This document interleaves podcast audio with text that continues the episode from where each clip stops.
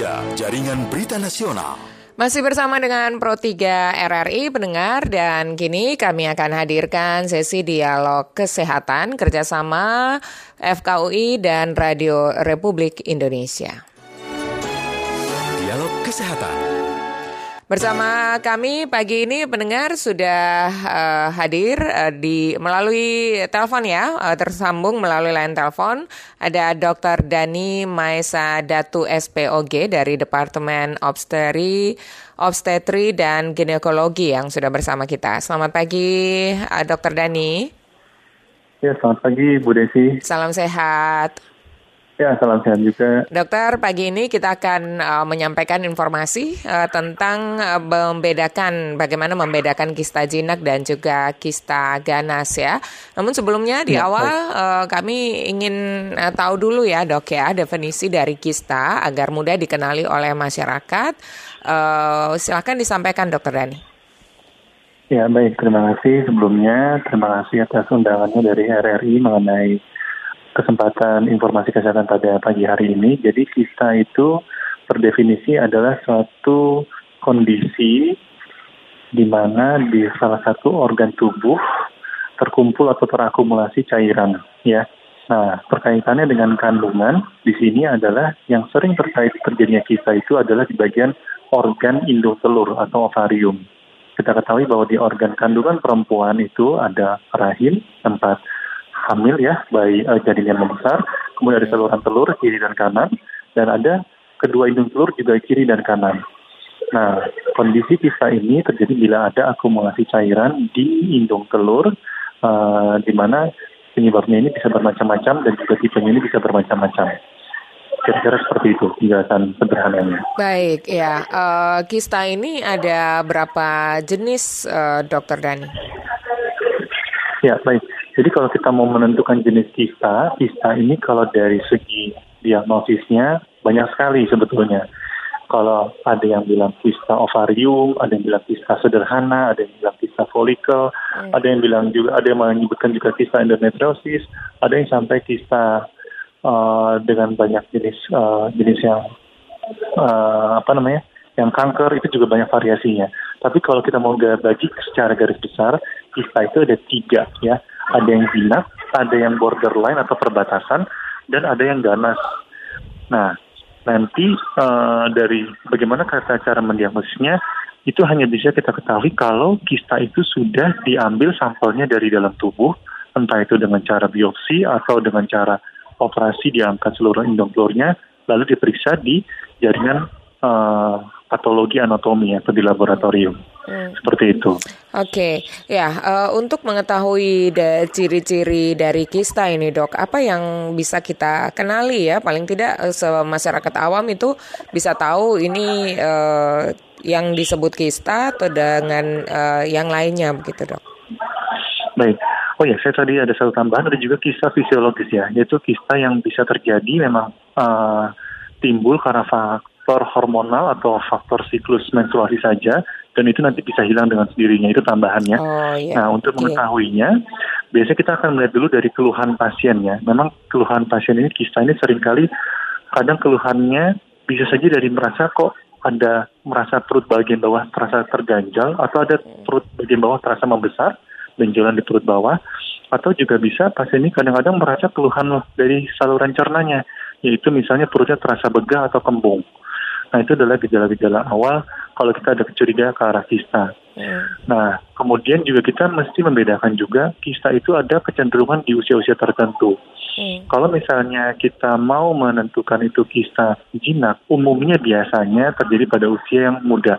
Namun saya juga tidak bisa pungkiri bahwa ada juga kisah-kisah pada usia muda, bahkan pada remaja uh, akhir atau 20-an awal, bisa juga ditemukan kisah-kisah yang ternyata sifatnya ganas, karena sifatnya tuh uh, genetik dari bawaan lahir seperti itu. Hmm. Nah, kalau untuk kista yang ganas sendiri, secara umum dari usianya pada perempuan lebih cenderung pada usia yang sudah uh, menopause ya atau di atas 50 tahun atau 60 tahun. Hmm. Seperti itu. Hmm. Ya, uh, dokter kita juga undang mendengar ya untuk bisa bergabung bersama kita untuk tanya-tanya soal uh, kista ini. Uh, nanti juga kita akan jeda dulu dengan uh, kilas berita. Namun kami undang Anda hmm. mendengar untuk bisa menyampaikan informasi di 021 uh, bertanya-tanya langsung dengan Dokter Dani ya untuk uh, terkait dengan topik kita tentang kista ini. 021 352 3172 386 2375 384 4545 dan juga 386 6712. Kalau Anda kesulitan untuk menghubungi kami lewat line telepon, Anda bisa sampaikan uh, pertanyaannya melalui WhatsApp 081 399 399 888. Dokter tadi juga uh, ada banyak ya pertanyaan publik ini terkait dengan apa perbedaan dari tumor tumor, kemudian miom dan juga kista. Kalau dari ciri-ciri yang uh, dilihat hampir sama ada beberapanya begitu ya. Nah, uh, dokter uh, kira-kira apa saja uh, perbedaan dan juga nanti penanganannya, informasinya uh, jangan dijawab dulu ya karena kami akan hadirkan informasi berikut ini dulu. Setelah ini kita akan kembali dalam dialog layanan kesehatan. Kilas Berita.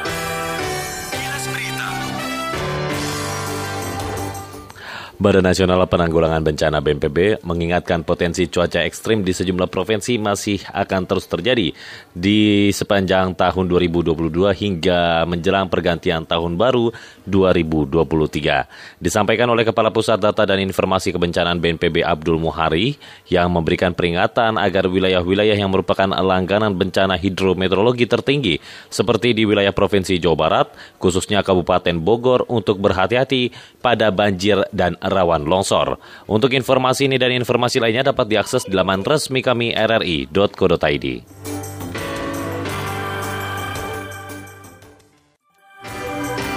Kilas Berita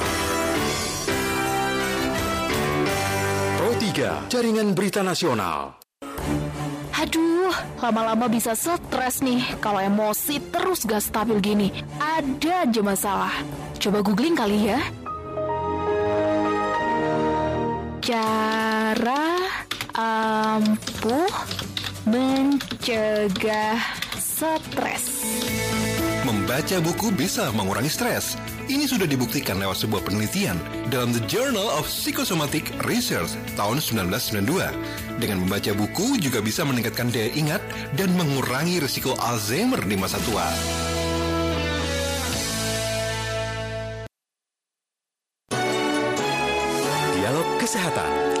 Kami undang kembali Anda pendengar untuk bergabung bersama kami di line telepon ya. Ada beberapa line telepon yang sudah kami buka untuk Anda yang ingin bergabung bersama kami dan juga masih dengan Dr. Dani Maesa Datu ya. Dr. Dani uh, masih bersama ya, dengan Pro 3 RRI ya. Oke, okay, uh, ya. Dr. Dani sebelum tadi pertanyaan saya dijawab ya, kita sudah ada uh, penelpon uh, uh, nampaknya terputus lagi pendengar. Uh, anda yang ingin bergabung silakan ada beberapa line telepon yang uh, bisa Anda gunakan ya. Dokter Dani, untuk uh, ya. perbedaan dari tumor miom dan kista ini silakan. Baik, jadi saya menjelaskan mengenai tumor terlebih dahulu. Mm-hmm. Nah, tumor itu sebetulnya adalah bahasa ilmiah kedokteran yang artinya adalah benjolan. Ya, kita kejedut kepalanya ada benjol itu sudah jadi tumor. Mm. Nah, tumor ini sifatnya ada yang jinak, ada yang ganas. Hmm. Kalau tumor jinak, kita sebutnya hanya tumor jinak saja. Tapi kalau tumor ganas, itulah yang disebut sebagai kanker yang berbahaya, oh. yang cepat menyebar. Okay. Nah, kemudian terkait kisah dengan miom, untuk di organ kandungan, miom itu artinya adalah tumor jinak yang terjadi di otot rahim. Jadi dia posisi di, di rahim, hmm. bukan di indung telur. Ya, berbeda dengan kista, di mana kista ini dia terjadinya adalah di indung telur atau di ovarium yang kiri yang kanan kiri atau kanan uh, di mana isinya itu dominasinya adalah cairan ya. Hmm. Nah, jadi kalau misalnya miom itu dia berasal dari otot rahim yang sifatnya padat dan dia sifatnya jinak ya. Uh, tidak cepat menyebar tapi bisa kambuh ya. Hmm. Dia tidak uh, tidak tidak tidak berbahaya sebetulnya, cuma bisa kambuh kalau bisa diangkat terus bisa uh, kambuh lagi.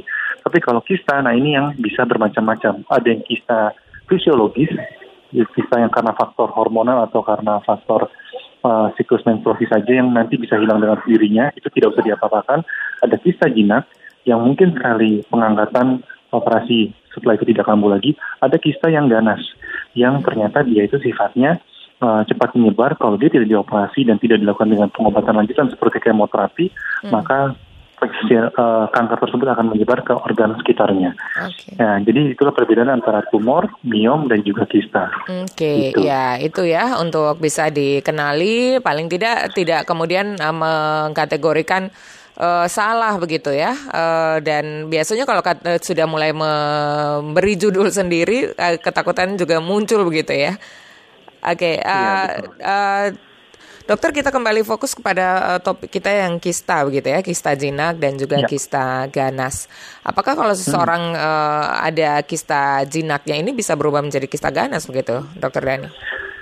Ya baik, jadi memang pada umumnya dari seluruh perempuan yang mengalami kista di indung telur tersebut, mayoritas hmm. itu adalah kista sebenarnya jinaknya ya mm. sekitar 70 persen itu sifat kista itu adalah jinaknya mungkin yang sekitar 10 sampai 20 persen saja yang uh, sifatnya ganas atau kanker ya nah uh, sebagian kecil lagi ada yang namanya borderline atau perbatasan mm. dia belum menjadi ganas ya mm. tapi kalau misalnya ada nggak dok dari kisah jinak kalau dibiarkan ternyata menjadi ganas ada kadang-kadang ya uh, yang sifatnya seperti itu contohnya misalnya yang sering didengar adalah kisah endometriosis mm. ya kisah coklat di mana kisahnya itu uh, timbul sering kali menyebabkan gangguan nyeri haid hebat, tidak bisa aktivitas.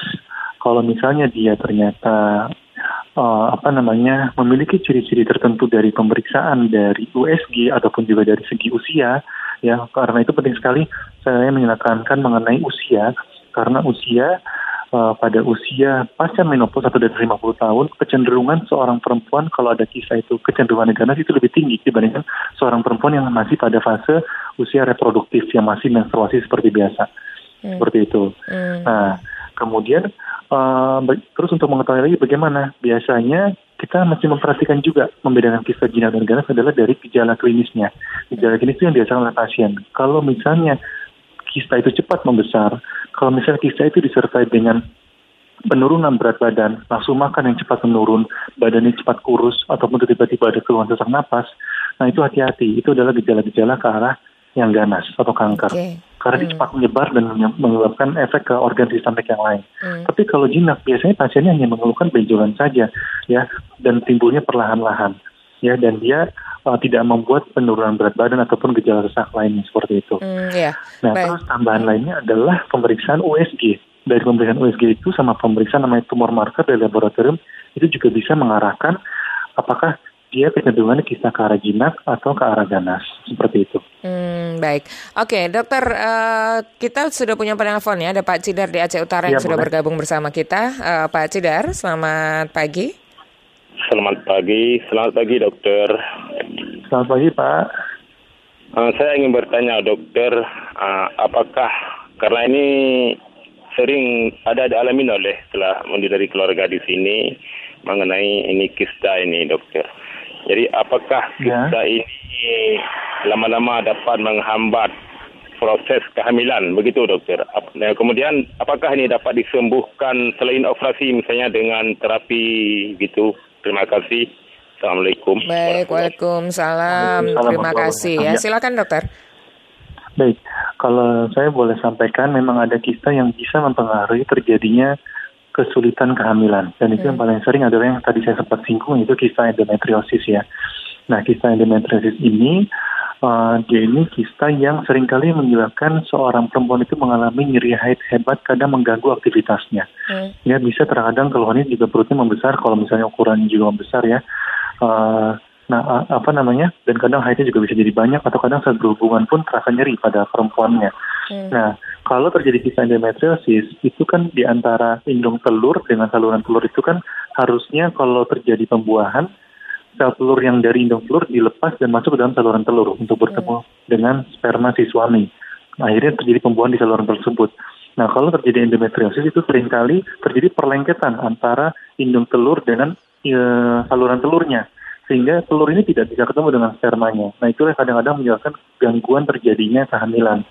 Sementara untuk kisah-kisah yang lain, uh, pada umumnya sebetulnya tidak selalu pasti menyebabkan uh, proses gangguan kehamilan selama antara indung telur yang sehat dengan saluran telurnya itu salurnya tetap terbuka. Nah, kalau misalnya mau ditanyakan terkait dengan gangguan kehamilan yang paling sering adalah endometriosis. Lalu bagaimana untuk tata laksananya?